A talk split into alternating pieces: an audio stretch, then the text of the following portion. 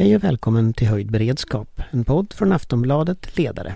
Idag med Robert Dalsjö, överingenjör på Totalförsvarets forskningsinstitut. Vi diskuterar läget i Ukraina och vilka de säkerhetspolitiska konsekvenserna kommer att bli. Ser vi framför oss ett nytt kallt krig? Kanske ett delat Ukraina i Öst och Västukraina? Och vad får det i så fall för konsekvenser för Sveriges säkerhet? Robert Dalsjö utesluter inte att Ryssland använder kärnvapen. Vad får det i sådana fall för konsekvenser? Välkommen! Vår beredskap är god.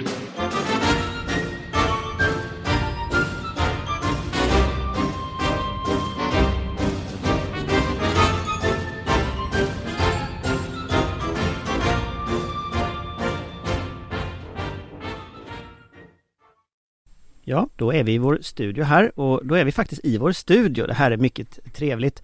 Eh, och eh, det är jag, Anders Lindberg och Johan här i studion. Viktorin, VD för Intrill Group. Och Amanda på Vollstad. länk. Wollstad, chefredaktör för Svensk Tidskrift på länk från Malmö. Och Patrik. Och en tankesmedjan Frivärd. Och med oss har vi ingen mer än Robert, mindre än Robert Dalsjö, överingenjör på FOI. Välkommen! Tack! Och eh, vad betyder överingenjör på FOI? Ja, det är en titel i en hierarki, det är snäppet ovanför forskningsledare. Du är ju lite, du, du är ju lite känd för poddens lyssnare innan, du har varit med innan och eh, du är ju lite av så här Dr. Doom i, i, i svensk säkerhetspolitik. Jag kan, komma, jag kan knappt komma ihåg ett Folk och Försvar där inte du har levererat slutsatser om att det här går inte som det ska, det här går inte alls bra, vi måste se till olika risker och man kan väl säga att du har väl i allt väsentligt fått rätt nu. Vad tänker du liksom om relationen mellan vår förståelse av detta och det som har hänt? Ja, ibland är det inte roligt att få rätt. Men man kan säga att vi har levt i en lite gullig barnboksvärld där allting har varit inlindat i skär sockervadd under rätt lång tid. Så att ingenting farligt kan hända här eller i vår del av världen. Och nu tvingas vi inse att världen kan vara läskig och farlig. Uh, och det, det, tar emot och det måste ske väldigt snabbt nu eftersom vi har hållit den här verkligheten ifrån oss. Men jag hoppas och tror att Sverige kan anpassa sig. Men om du tittar på liksom det strategiska läget nu, vad tänker du då? Jag tycker i alla fall att det är betydligt bättre än vad vi trodde för tre veckor sedan när kriget började. Men man kan säga att det, det krig som Ryssland nu för i Ukraina och, och, jag tog mig orådet för att spofa Olof Palmes eh, prosadikt efter julbombningarna. Att det man gör nu det är att plåga ett land för att tvinga det till underkastelse militära medel. Det kriget är det definitiva slutet på eh, kalla krigsperioden den som började med att Berlinmuren föll. Och Putins avsikt det är att göra en lika stor förändring men vrida klockan tillbaka till före Berlinmurens fall, till kalla krig. Och jag tror att den här, det här kriget, det blir den starten på en ny tidsålder. Vi öppnar ett nytt kapitel i Europas historia som Gudrun Persson har sagt. Och det här kriget kommer att forma den nya tidsperioden på samma sätt som Berlinblockaden eller eh, Koreakriget formade det kalla kriget. Så, och vad är det för värld som vi så att säga i det fallet lämnar bakom oss? Alltså vad är det för saker som vi lämnar i tiden innan den 24 februari? Man kan säga att vi lämnar det sista av de förhoppningar och den optimism som fanns efter Berlinmurens fall och Sovjetkommunismens kollaps tron på att alla människor skulle vara vänner, att vi gick in i en ny och ljusare framtid. Där globaliseringen över tiden skulle göra alla människor och alla stater till svenska folkpartister. Ehm, den, den där eh, visionen från 90-talet, den har ju vattnats ur, även om en del, till exempel Fredrik Reinfeldt, höll fast vid den i det längsta. Ehm, men så här, den är definitivt inte bara död nu, utan även begraven. Och, och, vad är det för nya element som du ser som liksom, alltså vad skiljer de här två världarna? Om man tar, parafraserar Stefan Zweig, liksom världen av igår och världen av idag, vad är det som skiljer? Och det är enormt mycket. Men jag tror att i den nya världen så måste man acceptera att eh, nationer, länder eh, spelar en eh, stor roll. Och eh, deras strävanden efter makt. Eh, det är väldigt mycket det som styr nu. Eh, att man kan säga att Kina vill ha revansch för vad de ser som 100-150 år av förödmjukelser. Ryssland vill ha revansch för förlusten i kalla kriget. Och vi har tenderat att tro att, ja, ja, men om de inser hur mycket mer de kan tjäna på fredligt samarbete så kommer de att, att slå sig till ro. Det gör de inte. Eh, ni har, ni har väl alla sett den här eh, kartan från World Value Survey, eh, där Sverige inte är landet lagom, utan sitter uppe i högra hörnet. Och vi måste förstå att de andra länderna, de stora tunga aktörerna, de har helt, an, helt andra värden och de har så att säga militära maktmedel som man inte kan ignorera bort. Så, så om du tänker världen av idag då, om vi håller oss till den. Mm. Vad är det för värden och vad är det egentligen Ryssland nu tänker göra? Så hur långt kommer man att gå? De, de krav som Ryssland överlämnade till NATO och till USA i mitten på december, de var ju utomordentligt långtgående. Det handlar ju inte alls bara om att Ukraina inte skulle få vara med i NATO, utan det handlade i princip om att vrida klockan tillbaka till före Berlinmurens fall eh, och dessutom att skadskjuta NATO, så NATO skulle bara omfatta det, det gamla NATO som fanns under kalla kriget. De nya eh, medlemmarna, Polen och, och Baltikum till exempel, de skulle bli andra klassens NATO-medlemmar. Sverige skulle inte få samarbeta med andra västländer militärt och Ryssland skulle få en maktställning som sträckte sig in i eh, Europa. Så det var väldigt långtgående krav. Men tänker du att just nu så ser det ju inte riktigt ut som de har maktmedel att genomföra det utan just nu så sitter de fast i, i leran i Ukraina. Eh, men de rör sig på sig framåt fortfarande. Alltså ja. hur, hur, hur, långt tror du att de är beredda att gå? Alltså hur mycket energi är de beredda att lägga på att nå den här listan? Alltså det är, det är den stora frågan. Uh, jag tror att uh, ledningen i Moskva måste nu inse att de här, de här väldigt långtgående kraven de hade, de är inte uppnåeliga med mindre än man tar till kärnvapen. Eh, så att jag tror att de, de, och de har insett att de har kört fast och de är jävligt förbannade över att eh, de har kört fast. De har, armén bär sig så eh, saktfärdigt åt kan man säga, eh, klumpigt åt att Ukrainas motstånd är starkt och att västvärlden är starkt. Så Putin står nu inför ett val att antingen sänka sina krav och nöja sig med någonting mindre än det han gick i krig för, eller att höja insatserna och fortfarande behålla det mål som han har satt sig före. Alltså historiskt så har han ju inte sällan höjt insatserna. Alltså vad, vad gör du för bedömning av det ryska liksom, framtida agerandet då? Med den analysen? Ja, vi jag tycker att vi vågar inte utesluta att han kan faktiskt använda kärnvapen för att visa att nu är det allvar.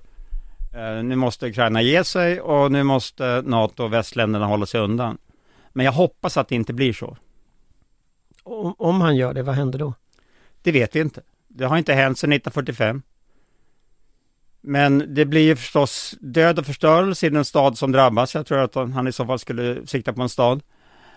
Uh, och, och sen, nej, då, då, då, är det en helt ny uh, film som börjar.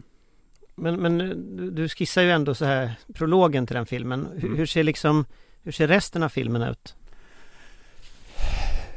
Alltså det behöver inte bli ett stort kärnvapenkrig. Så en lösning är att, uh, ett tänkbart utfall är att Ukrainas motstånd bryter samman inför kärnvapenhotet om man går med på ryska krav. En annan eh, möjligt utfall är att det blir en palatskupp i Moskva. Eh, att några i inflytelserika ställningar säger nu har Putin gått så långt så han har startat ett kärnvapenkrig, han måste stoppas. Eh, men det finns ett antal andra möjliga fortsättningar, men det här har inte jag tänkt igenom, så det vill jag inte spekulera i. Men om man tittar på våran politik, eh, om vi liksom kortar att vi, vi, har inte hamnat i det läget än, utan vi är i det läget vi är idag. Eh, om man tittar lite kort, Johan har ju haft så genomgångar i podden senare tid, liksom, vad, hur ser läget ut på marken? Om vi bara har det som en liten grund för diskussionen här. Vad, hur ser läget ut just nu om du tittar eh, idag? Vad har hänt? Nu kommer jag inte riktigt ihåg när vi gick igenom här senast. Men det var en vecka sedan och, då, och det du sa då var ju att man har kört fast i, i norra delen, man har kört fast i östra delen, i södra delen har man framsteg ändå. Mm. Eh, och sen hade vi ju efter podden förra gången också den här bombningen av barnsjukhuset som ju har väckt väldigt, väldigt stor vrede i västvärlden. Mm. Uh, ja, uh, nej men det, det, är ganska liknande bild. Man har genomfört någon form av operativ paus. Uh, och man försöker då stridsspana kan man väl säga in i Kiev. Det är därför det är utegångsförbud nu eh, sen igår kväll till imorgon bitti eh, i Kiev för att man ska lättare kunna identifiera sabotagepatruller och liknande saker. Eh, man har ju fortfarande inte tagit någon stad med undantag för Cherson då i söder som är den enda regionala staden som har fallit. Och där uppträder ju också de ryska styrkorna bättre får man säga i just den riktningen. Eh, och bättre menar jag då bättre folkrättsligt än vad man gör på andra ställen. Eh, eh, städer som Sumi längst upp i nordöst är ett riktigt gissel för Ryssland för där har man nämligen skickat in den första stridsvagnsarmén och där vet ju alla om att där pågår det då strider mot den arméns eh, underhållslinjer. Och det här måste man liksom öppna upp. Att eh, omringa och gå in Kiev det låter sig inte göras utan betydande tillskott av eh, trupp. Och skulle man eh, göra ett sådant anfall då pratar vi om månad, månader med gatustrider inne i Kiev. Även om man skulle lyckas ringa in den staden. Vi kan ju ta Stalingrad som exempel. Man belägrade Leningrad i tre år och så vidare. Så det finns ju en mängd historiska. Antingen faller det väldigt fort eller så tar det väldigt, väldigt lång tid. Sen håller man också på ute till havs med en blockad mot eh, Ukraina och eh, Ukrainas ekonomi då. Nu har man ju tagit med undantag för Mariupol eh, en lång strandremsa som förbinder Krim med Ryssland. Och det finns ju de då som fruktar att man försöker göra samma sak från Mikolajev och sen via Odessa ner till eh, Transnistrien. Och då är ju i så fall Eh, Ukraina permanent avskuret eh, från havet, vilket skulle få stor eh, liksom, betydelse för dess uthållighet. Men skulle också binda om handelsvägar och få in andra länder i det här, för det skulle bli viktigare med frakt från Rumänien och sådana saker. Eh, men då finns Svarta havsflottan där ute och det finns alltså en permanent, eller inte permanent, men det finns en, en, eh, en risk för en landstigningsoperation mot Odessaområdet. Eh, det kan vara så att den här, den här, den här landstigningsstyrkan som finns då eskorterat av fartygsenheter att det är egentligen bara ett sätt att binda ukrainska trupper i den riktningen så att man kan avsluta det som pågår då i syd vid Mariupol och att försöka ringa in då eh, en del av de bästa förbanden i Ukraina faktiskt som finns då längst ner i sydost vid den gamla kontaktlinjen då där de för någon form av fördröjningsstrid nu. Och där måste man dra ur den och korta fronten lite grann så att man kan fortsätta att strida. Det är väl ungefär kortfattat läget. Men, men om man zoomar ut från det läget, en tre dagars blitzkrig på sin, vad är det, 20 dag nu? Något sånt där, mm. 19-20 dagen. Det, det, här måste ju vara en operativ katastrof på liksom alla plan. Jo, nej men absolut. Man är ju nära sin kulminationspunkt och då har man ju ett antal beslut man måste göra.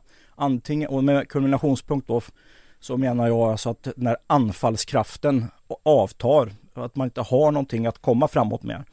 Eh, och en sån kulminationspunkt finns ju också för en försvarare när man inte orkar hålla emot längre så. Men det verkar just nu som att Ryssland är lite närmare den punkten än vad Ukraina är. Eh, och då har man ett antal val. Det ena är att man precis som Robert säger, man eskalerar med en insats av massförstörelsevapen. Det är inte bara taktiska kärnvapen. Utan det finns ju även C-stridsmedel och så vidare. Och radiologiska vapen också, det vill säga att ordna ett radioaktivt utsläpp och så vidare. Så det, det finns ju den typen av händelseutveckling som skulle kunna ske. Inte särskilt troligt i dagsläget, men osvuret naturligtvis bäst då. Det andra är ju att man då försöker att eh, tillföra strategiska resurser. Att man då kontrakterar alla värnpliktiga som rycker in den första april nu. Att de ska liksom komma till... I Ryssland. I Ryssland, precis. Till en slags ockupationstjänst. I de områden som man har kontroll på.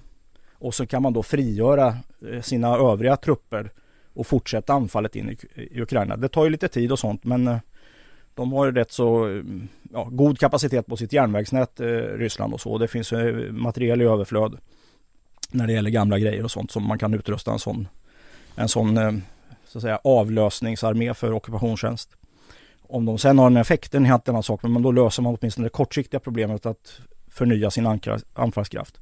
Och det tredje, det är ju att man parkerar och gräver ner sig och har uppnått en viss mängd mål och kan då deklarera att haha, vi har liksom fintat er nu utan allting handlade bara om att vi skulle få den här sträckan till Svarta havet och sen kan man då gentemot den egna befolkningen säga att nu har vi gått i land med det här och sen kan man vända sig om till väst och säga vi hotar inte Kiev längre, vi hotar inte Charkiv längre och så vidare. Eh, jag tror inte heller att det är särskilt troligt just nu utan man är nog mera inne på mittenalternativet att försöka komma så långt man kan och ta åt sig så mycket som möjligt. Därför ju mer man har förstört, ju mer man håller, desto bättre förhandlingssituation har man vid, vid förhandlingsbordet. Om man tänker på att då, om man har den här bilden, liksom, vad bör göras och vad bör Sverige göra i en fråga? Jag tänker att vi ska släppa in övriga panelen här. Om vi börjar med Amanda. Eh, om vi ser liksom det här läget nu, vad, hur bör vi tänka? Det är ju svårt eh, naturligtvis, eh, därför att det finns ju begränsat vi kan göra på egen hand. Eh, fortsätta visa vårt stöd naturligtvis, eh, fortsätta skicka vapen och utrustning i den kapacitet och möjlighet vi har. Se till att det kommer fort, eh, både av politiska skäl men framför allt därför att Ukraina behöver eh, utrustning och stöd helt enkelt Eh, vi behöver ju också naturligtvis se över vår egen möjlighet till försvar för att inte vara ett sänke i, i längre, under längre förhållanden. Men annars har vi väl en roll eh, kanske att eh, ligga på och kämpa för eh, Ukraina och för europeiskt samarbete.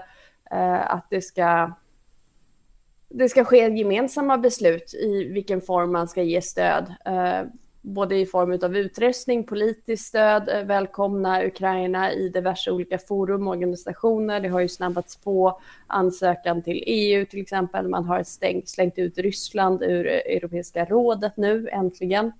Eh, den typen av frågor kan ju Sverige vara en, en röst och pådrivande.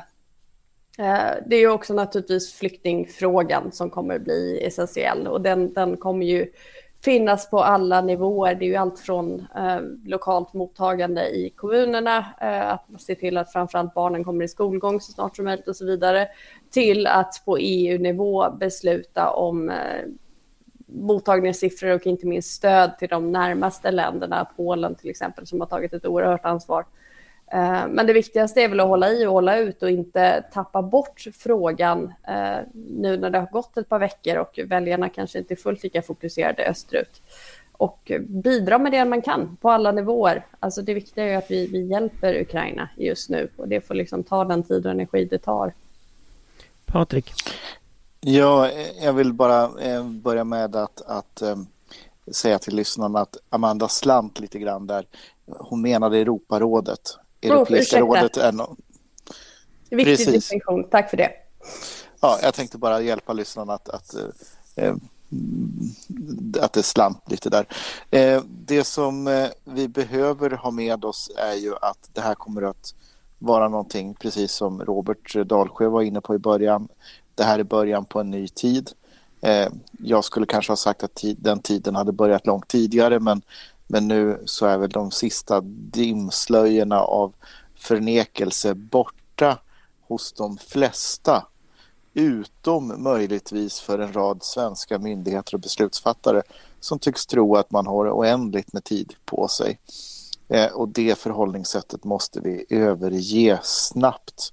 Eh, det är egentligen en annan diskussion om hur vi hanterar sakerna internt men, men jag, är, jag är fortsatt bekymrad över att eh, Eh, man, vår byråkrati har ännu inte växlat om till krigsinsikt. Eh, inte ens krisinsikt i alla avseenden. Eh, men när det gäller Ukraina så är det viktigt nu att komma ihåg att vi får se upp med, med så att inte Ryssland eh, vinner freden. Eh, och det vill jag räcka, väcka liksom en, en, ett varningens finger för. Eh, att eh, Ryssland nu på olika sätt gör utspel för att få till en, en, en, en, ett, så att säga, ett eldupphör och en fredlig lösning. Men Ryssland försöker få till en fredlig lösning som innebär att man flyttar fram positionerna eh, och legitimerar den här eh, aggressionen för att skapa en säkerhetsordning som man själv vill på bekostnad av de värderingar som vi har och det får vi se upp med. Jag tänkte en, en, en fråga som ligger i det som ni, ni båda säger. Eh, alltså, om man börjar med Amanda. Alltså du säger att vi ska stödja Ukraina och idag kom det besked från, från statsministern att det är väl liksom, det ser ut som att det är på gång och så men det finns ju också en frågeställning här. Det, det finns ju så här trevare till förhandlingar och det är en sån här sak som hela tiden återkommer i nyheterna. Finns det någonting att förhandla om i egentlig mening? Alltså finns det någonting som Putin vill ha som vi kan ge honom? Och då menar jag som han verkligen vill ha, möjligen med undantag av landremsan, men liksom Liksom, finns det någonting, för den sitter han på. Men alla andra saker är ju saker som väst måste backa och att acceptera att Krim, att acceptera att Mariupol inte längre är Ukraina eller så som han ju vill. Det går ju inte heller. Alltså finns det någonting vi kan kompromissa om i egentlig mening? Och vad skulle Framför... det vara i så fall? Framförallt är det ju inte vi som kan kompromissa till att börja med. Vi måste ju vara väldigt eh, medvetna om att det här måste ju till slut vara Ukraina. Eller Ukraina har ju rätt till sitt eget land. Det är ju ingenting Eh, Europa kan lova eller kompromissa bort eh, Ukrainas självständighet. Men just nu ser det väldigt mörkt ut. Eh, vi får se om Putin kan tänka sig att backa eller om det händer någonting annat i Ryssland som gör att någon som är ansvarig kan tänka sig att backa. Eh, men situationen är otroligt svår på det viset därför att det Ryssland vill ha är sådant vi inte kan ge dem. Vi kan inte förhandla bort Ukrainas eh, självständighet. Ukraina är själva inte villiga att förhandla bort sin självständighet och det är ju naturligtvis helt rätt och rimligt av dem. Eh, Ryssland är helt enkelt eh, oresonliga i sina krav och sina argument eh, kring hela kravet. Kriget är fullständigt oresonligt. Alldeles förutom den, det fruktansvärda mänskliga lidandet så, så har man politiskt och kravmässigt målat in sig i ett hörn, förmodligen på grund av, av, dålig uppfattning och underrättelse och en övertro på sin egen förmåga och en undertro på Ukrainas förmåga. Så just nu är det väldigt svårt att se, men det kan ju också ändras fort naturligtvis, inte minst beroende på utvecklingen i Ryssland. Men som positionerna ser ut idag så är det svårt att se hur man ska kunna förhandla sig fram till en lösning, i synnerhet långsiktigt. Patrik? Vi ska ju också komma ihåg att Putin verkar vara väldigt beslutsam och bestämd i, i detta. Eh, och det här är inte no, mina ord utan det här är ju ord som president Niinistö sa till CNN eh, häromdagen i en längre intervju.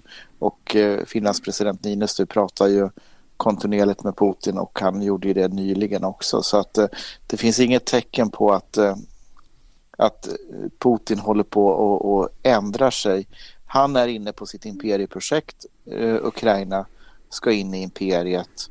Eh, det här är en, en, en, fråga där det blir lite grann last man standing.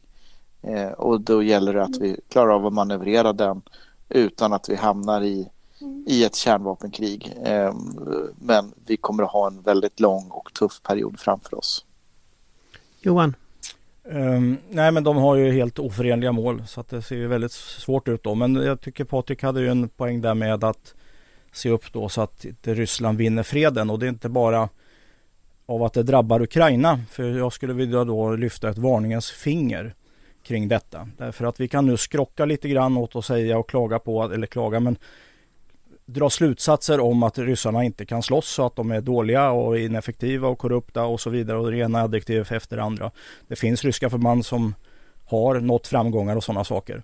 Och då vill jag liksom göra en historisk parallell därför att den allmänna bilden är att Tyskland var otroligt effektiva när de anföll Polen. Det var de inte alls det. Det tog tre veckor för dem att dela Polen tillsammans med Sovjetunionen.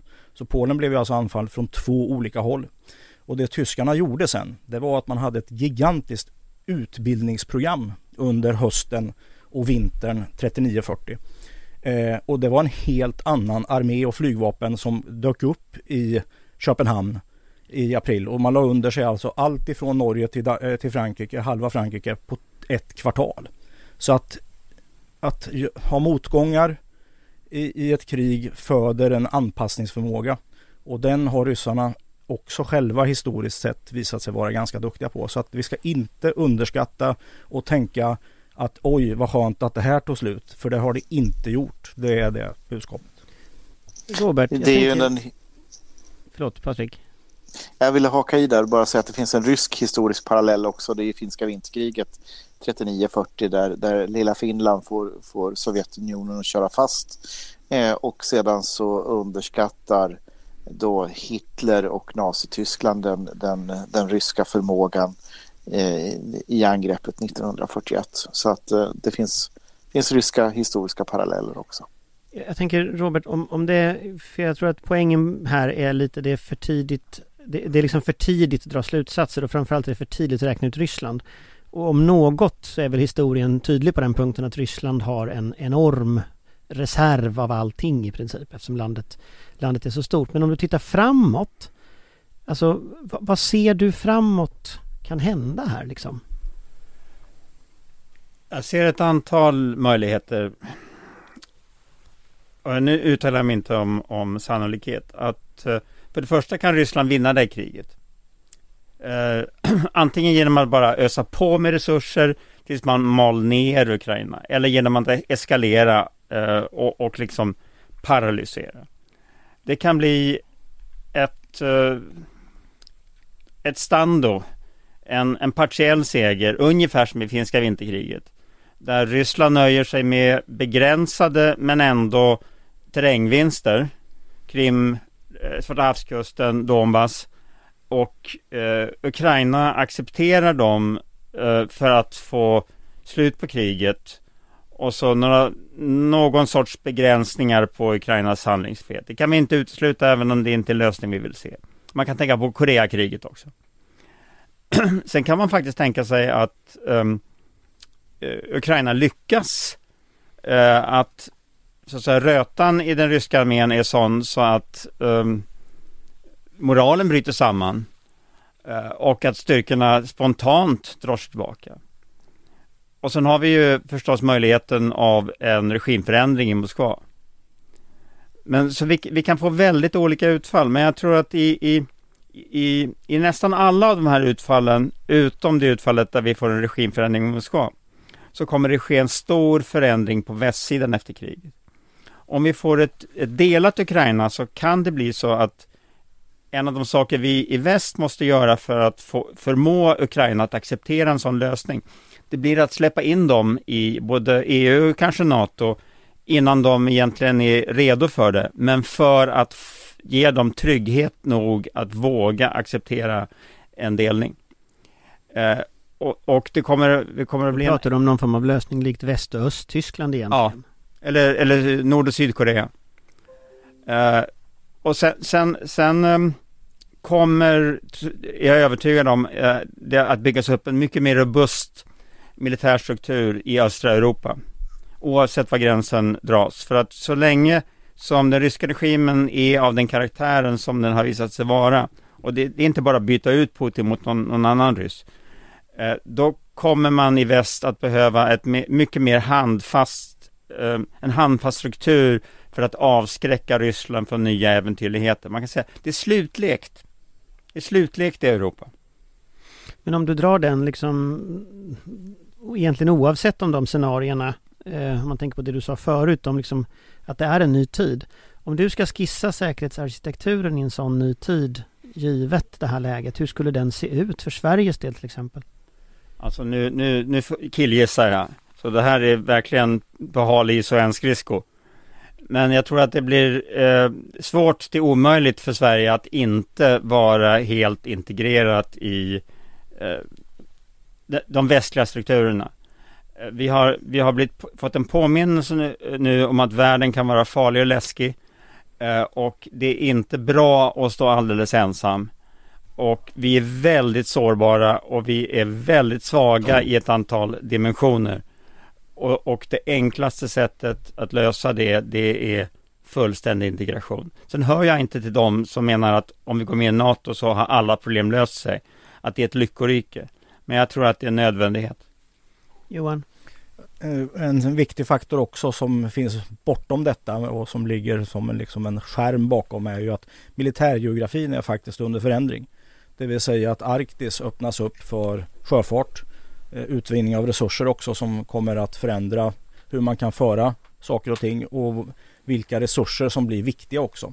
Och inte glömma bort att i den ryska doktrinen så betonar man krigföring kring resurser och det finns väldigt mycket resurser i, på Nordkalotten som vi, Finland och Norge sitter på exempelvis som också är av ett helt annat intresse än vad det var för, för kanske 30-40 år sedan. Ja, en, en, en, eh, en kort poäng. Det Ryssland vi kommer att få i de här olika alternativen. Om Ryssland vinner kriget då kommer Putin att känna att kriget är ett kvitto på att jag återskapar det, det Storryssland. Nu kan vi gå vidare. Det är risk att man är, som man säger på ryska, så att säga, yra av framgång. Det är ett Stalin-citat. Eh, om Ryssland förlorar det här kriget eller bara gör en partiell vinst, men regimen sitter kvar, då kan vi få ett Surryssland som isolerar sig ifrån Västeuropa, som vänder sig mot Kina och som blir ännu mer repressivt. När du säger Ryssland går vidare, ja. eh, tangerar ju lite min fråga om säkerhetsarkitekturen i Europa. Vad, vad, ser du? Vi antar att ditt värsta scenario, att Ryssland vinner det här, ja. eh, blir, blir var, var, var, går de vidare då? Ja, ett land som har nämnts är Moldavien. Eh, och eh, tar man också Moldavien så skär man av eh, så att säga Ukraina från, från Rumänien. Och då minskar man möjligheterna att infiltrera stöd till motståndsrörelse och, och så den vägen. Baltikum är en möjlighet, Finland är en tredje. Baltikum triggar NATO. Baltikum triggar NATO, men det beror på hur NATO har reagerat på, på händelseutvecklingen. Alltså det, det måste vara dramatiska händelser som leder till att Ryssland vinner det kriget. Och vi, då, då, då måste man räkna med att det kan få konsekvenser på NATOs sammanhållning. Uh, och sen, kan, sen också det att, att Putin kan bli övermodig. Jag tycker han har varit övermodig redan när det startade det här kriget på väldigt lösa boliner. Uh, och om han då trots det vinner det så kan han bli ännu övermodigare. Mm. Jag tänkte ska vidare till övriga panelen också. Så att, eh, Amanda? Ja. Um... Säkerhetsarkitekturen i Europa, om jag ska bara bolla vidare med den frågan. Eh, vi har ju diskuterat det många gånger i podden och eh, kanske inte alltid överens i den. Men, men om man tittar på liksom en säkerhetsarkitektur framöver, eh, givet det läget också NATO kan få Donald Trump som amerikansk president om två år, Tyskland rustar upp, alltså vi ser förändringar egentligen i alla olika rörliga delar just nu. Vad tänker du om hur den ska se ut eller hur den kommer att se ut? Alltså det är ju inte den enklaste frågan jag har fått den här veckan. Um... Nej, men det beror ju naturligtvis otroligt mycket på hur det här går. Och det är jättesvårt att säga. Det finns liksom två ytterlighetslägen där Ukraina med hjälp av långtgående västligt stöd lyckas reda ut det här i någon mening, åter, liksom, återtar och håller den större delen av det ukrainska territoriet, förblir en, en eh, suverän stat. Eh, att Ryssland antingen till slut väljer att backa eller att vi får ett regimskifte i Moskva eller någonting liknande som gör att, att situationen lugnar ner sig och Ukraina eh, i huvuddel går i alla fall inte förlorande ur striden. Eh, och då kan ju det vara en stärkande utvecklingen för västvärlden och liksom den europeiska ordningen. Eh, att man faktiskt klarade av den här krisen och när det gällde lyckades samla sig och stödja ett eh, grannland och sina värderingar och så vidare. Det här kan ju också gå fruktansvärt fel. Att Ryssland i någon mening vinner kriget eller att Ukraina i alla fall förlorar kraftigt. Att den europeiska gemenskapen eh, och den västliga länken inte förmår hålla samman, hålla ut. Eh, att man får politiska skiften i något av de här länderna som gör att man inte längre kan enas eller att eh, helt enkelt det går för lång tid, opinionen svänger, det blir för dyrt och politiskt inopportunt att hålla fast vid. Eh, och då ser vi ju en otroligt farlig utveckling framför oss eh, med ett ytterligare sönderfallande Europa och eh, ett Ryssland stärkt av sina framgångar. Så att det, det, det, är ju någonstans de totala ytterligheterna om man ska utgå ifrån hur läget ser ut just nu och de kanske troligare utvecklingsscenarierna så får vi ju hoppas. Eh, det har ju ändå visat sig att Europa har stått någorlunda pall. Man har lyckats enas. Man har sett en utveckling där eh, Schweiz ger upp sin neutralitet i frågan, Tyskland rustar upp, Sverige skickar vapen. Vi har ändå sett en ganska liksom, kraftig, tydlig utveckling under en kort period där många gamla sanningar har sänkts på ände och där man har lyckats enas och drivas frågorna framåt. Eh, vi får väl hoppas att den utvecklingen fortsätter så att ett enat eller delat Ukraina kan fortsätta stödjas och vi i alla fall har en tydlig motvikt mot eh, totalitära krafter och de här expansiva krafterna i Moskva. Eh, att väst inte fäller sig. Mm. Patrik? Ja, mitt korta svar är ju att man får dela upp det här på två sätt. Eh, den ena är ju den period vi nu är inne i och den har ju Robert också beskrivit i podden här på ett föredömligt sätt. Det är en, en tid av containment, den tid av deterrence. Två amerikanska ord, eh, eller engelska ord. Men, men avskräckning. Berätta, ja, precis. Du får nästan ja, innehållet. Precis, precis, jag tänkte göra det. Eh, avskräckning är ju deterrence, att man eh, är tillräckligt stark för att motparten inte får för sig att hitta på någonting dumt och blir lockad till att hitta på någonting dumt för att man tror att eh, motparten inte ska kunna göra det motståndet. Eh, och då är det ju både i faktisk förmåga och kommunikation som man behöver hålla i det där över, över lång tid.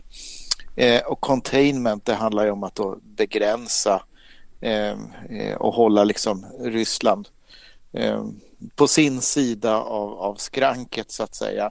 Ehm, så att det är det som kommer att prägla de här åren som riskerar att bli ifall det inte sker ett snabbt mirakel i Ryssland. Ehm, men, men ehm, eh, sen är ju då, vad kommer sen? Ja, vi kommer inte att få en fungerande säkerhetsordning i Europa eh, som, som eh, går tillbaka liksom till en tillitsbaserad, konsensusorienterad OSSE-struktur eh, Eh, som vi då grundlade i Helsingfors slutakt 1975 som följts upp av, av avtal eh, därefter, bland annat i Paris. Eh, som, som är den strukturen som vi känner som den europeiska säkerhetsordningen idag. Eh, den kommer vi inte kunna få tillbaka innan eh, vi har en ny regim i Ryssland och en, en helt ny inställning i Ryssland. Så att Eh, tills vidare så handlar det om att vi måste försvara våra principer eh, och göra det eh, så gott vi kan eh, och under lång tid. Eh, den dagen Putin inte längre styr Ryssland och inte heller de värderingar som han bär styr Ryssland, ja då kan vi komma tillbaka till en säkerhetsordning som, som vi vill ha eh, som också inkluderar Ryssland. Men men det här behöver bygga då tills vidare på militär styrka och eh, en uthållig, politisk uthållighet. Johan? Nej, men vi har ju, alltså ett, ni har ju själva, det är ett, det är ett enormt utfallsrum. Eh, och det är alltså oförutsägbart och osäkert och därmed är det en högre risk sammanlagt. Eh, det här med att det ska komma en annan rysk regim. Det är ju inte så säkert att det blir bättre. Faktiskt. Eh, det får man ju, måste man ju också vara öppen för. Det kan ju finnas de som är ännu mer nationalistiska som tar makten. Ryssland kan också falla isär med de risker det medför. Så att det är ingenting som vi ska sitta och önska oss i första läget tror jag. Utan det handlar om att, att eh, bryta viljan så att säga eh, på den nuvarande regimen att sluta med sitt beteende så att Ukraina till slut blir helt eh, fritt eh, och lever i fred och med, med, med, med välstånd. Då. Så det tror jag är otroligt viktigt att ha med sig. Jag tänker Robert, eh, vi ska runda av detta lite med att titta in i en framtid eh, också för vår del. Eh, alltså tittar vi på en säkerhetsarkitektur så vi vet ju inte utfallet, vilket ju gör att vi vet ju inte riktigt vart vi kommer att gå. Men om vi antar att du har ju haft den dåliga ovanan att ha rätt nu i ett antal år när det gäller liksom hot och riskbilder och sådana här saker. Om du tittar framåt och antar att du får rätt, att det blir någon lösning kanske med ja, Öst-Västtyskland, att man delar landet eller att det liksom kör fast på något sätt. Att det blir den här förhandlade lösningen känns ju spontant som en ganska komplicerad lösning för Europas säkerhet. Eh, då är ju frågan om svenskt NATO-medlemskap till exempel på bordet, diskuteras ganska mycket just nu. Eh, ut, eh, statsministern har sagt att det innebär risker eh, just nu, säkerhetsrisk, blir ganska utskälld för detta. Men om du tittar framåt, liksom, hur skulle konkret ett NATO-medlemskap gå till för att inte innebära risker? Eh, till exempel i, ja, säkerhetsmässigt eller så. Det tar ju tid. Det ska ju ratificeras i så fall i alla parlament. Alltså det är ju en process som sker. Hur, hur går en sån sak till? Ja, det... I ett sånt läge när det ja. nu råder storkrig i Europa. Vi vet hur det går till när det inte gör det, men... Det finns, ehm, det finns två saker som kan ta tid. När ett land ansöker om medlemskap i NATO så utarbetar NATO vad som kallas för en Membership Action Plan. Eh, och det är en checklista på saker som måste vara uppfyllda för att de ska bli, kunna bli medlemmar. Eh, demokrati, demokratisk kontroll av väpnade styrkorna och så vidare. Det mesta av det har vi redan gjort. Vi har gjort nästan allt, men eh, det kan tänkas att någon nuvarande NATO-medlem skulle tycka att här kommer svenskarna seglande in på en räkmacka, så enkelt ska de inte få. Eh, de uppfyller inte kravet på någonting. Så det, det, det kanske tar ett halvår eller någonting. Eh, men det kan också gå på några veckor. Sen ska NATO fatta beslut och det är då alla medlemsländerna i enighet som ska fatta beslut. Det kan krävas en del politiskt fotarbete för att få igenom det. Även om jag tror att det går rätt, lättare i den situation som råder nu än för ett år sedan. Och förstås om Sverige och Finland söker tillsammans. Men sen har vi då den här ratificeringsperioden.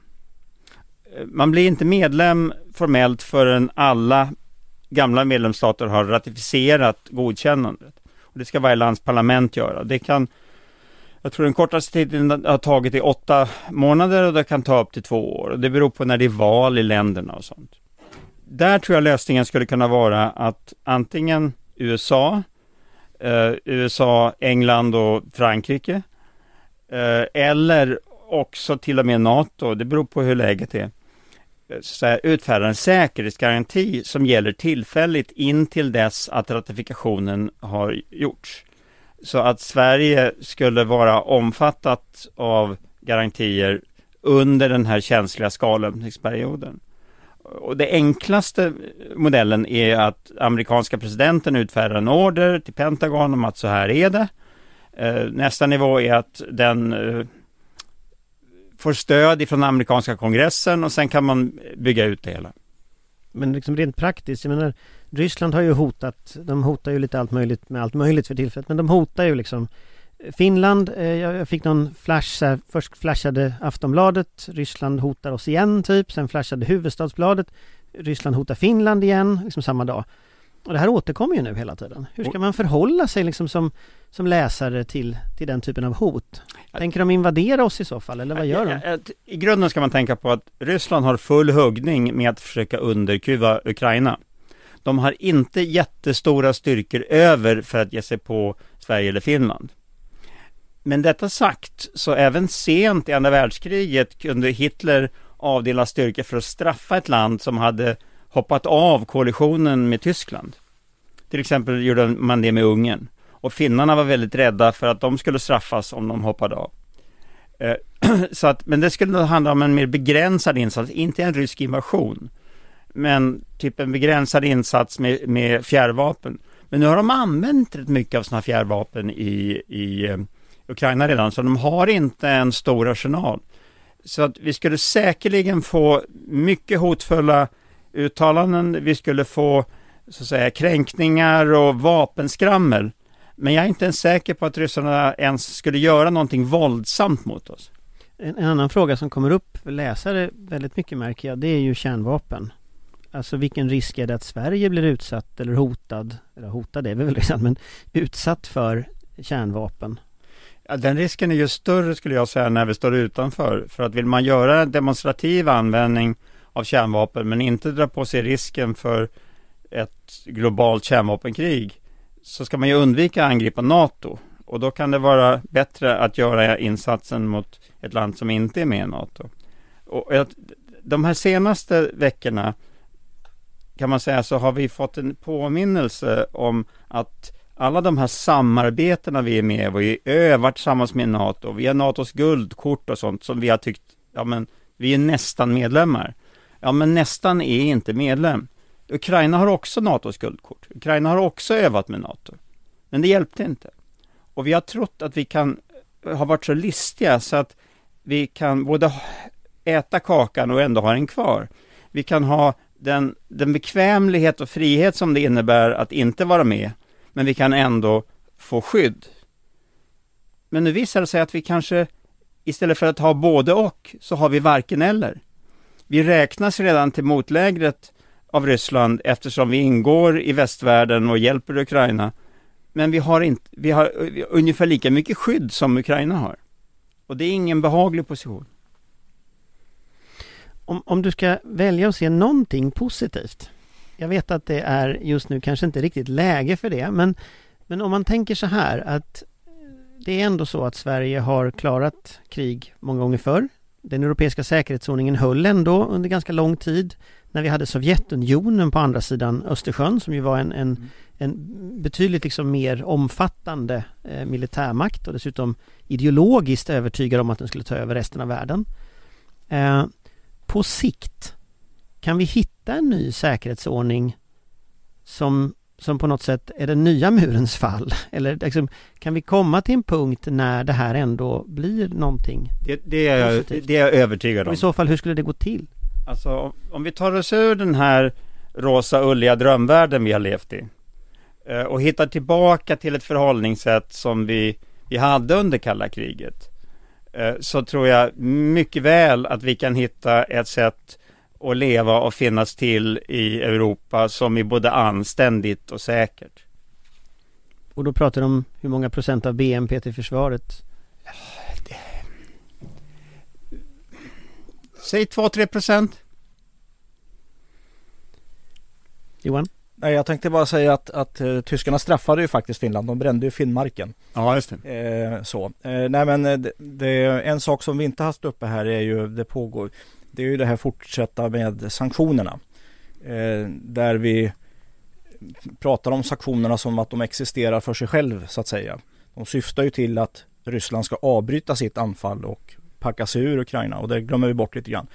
Men om man nu driver sanktionerna vidare med att man har ett totalt handelsembargo och ett, ett, en blockad, vilket det finns röster som sitter och tittar på, Eh, då ska vi komma ihåg att den ryska varuexporten, varuhandeln, till 40 procent går över Östersjön. Och då kommer Ryssland befinna sig i ett helt annat läge och kan då även om de egentligen inte objektivt har en kapacitet att gå i krig med, vem som, eh, med alla samtidigt så kan de då ta för sig saker och ting eftersom de då känner sig instängda. På samma sätt som det var ungefär på 1850-talet med Krimkriget. Mm. Det känns som att eh, det blir inte mycket mer positivt än så här, eh, även om jag försöker så gott jag kan här. Men jag vet inte, Patrik och Amanda, vill ni säga något mer? Där? Nej men det, till lyssnarna så vill jag ha en liten uppmaning och det är ju att fortsätt håll huvudet kallt. Var mentalt beredd på att det här är en tid som kommer att vara länge. Det kommer att vara risker och eh, där du kan se till att du och din organisation förflyttar er i både er praktiska och mentala beredskap. Eh, ställ frågor till din kommun och hur går det med till exempel att eh, krigsplacera kommunens personal. Eh, och gör de sakerna, för vi kan bara styra över det vi själv kan styra över. Amanda? Ska man vara lite positiv så får vi ju konstatera att, att, eh, en kris varar ju aldrig för evigt. Det kommer ju någonting efter det här och vad som kommer efter det här är det vi bygger just precis nu. Ehm, det är en fruktansvärt tuff situation. Det kommer vara svårt i många år framöver, men vi ser också ett uppvaknande, ett fantastiskt engagemang från eh, företag, privatpersoner för att eh, stödja och hjälpa Ukraina, för att ta emot ukrainska flyktingar. Eh, civilsamhället tar ett väldigt stort ansvar just nu och det är en oerhört positiv utveckling. Vi ser också en, en, större förståelse och diskussion om just vilka värden det är som ska vara rådgivande för Sveriges plats i världen, för Europas framtid, eh, vad det är vi egentligen eh, arbetar för eh, och att det inte är självklart. Och det, det engagemanget och den insikten eh, är ändå, det kan komma någonting väldigt gott ur det. Ja, nej, jag tänker ju själv lite som Amanda gör. Alltså jag tänker ju att det kommer precis som med pandemin som vi just har kommit ut. Det, det var en fruktansvärd upplevelse. Det var väldigt mycket som gick fel. Eh, men samtidigt, det fanns en sammanhållning. Det finns en styrka i det svenska samhället som är enorm eh, när kriser händer. Och kan vi ta vara på den styrkan nu så tror jag faktiskt att vi, vi kommer att kunna som land om inte annat gå stärkta ur den här situationen. Sen är det oerhört allvarligt läge. Eh, och, och, jag hoppas ju att politikerna kanske sänker tonläget lite mot varandra och man hittar en samsyn. Eh, för att to, krigs, krig är krig. Det är inte no, liksom jämförbart med någonting annat. Och här behöver man liksom hitta varandra i liksom det, det, lilla landet lite, lite långt bort. Men så tänker jag. Eh, jag skulle, nu skulle säga, Johan räckte upp handen här. Jag bara säger att eh, Robert, att söka det här förhållningssättet till att använda militära maktmedel, det är någonting som vi har trängt bort. Men det finns ett land med 140 miljoner människor som nu söker en militär lösning på en politisk konflikt som de själva har skapat. Eh, och då är det viktigt att man accepterar att så här ser verkligheten ut. Att då måste vi liksom förbereda oss på att kunna utkämpa eh, ett, ett krig som försvarar Sverige också. Putin kan inte talas till rätta. Med de uppmuntrande och positiva orden så kan vi tacka för oss och eh, vi är tillbaka nästa vecka. Eh, och tack till Robert Dalsjö för att du kom hit och tack till panelen och tack till dig som lyssnat. Hej då! Tack och hej! Tack! Tack och hej! Tack så mycket! Vår beredskap är god.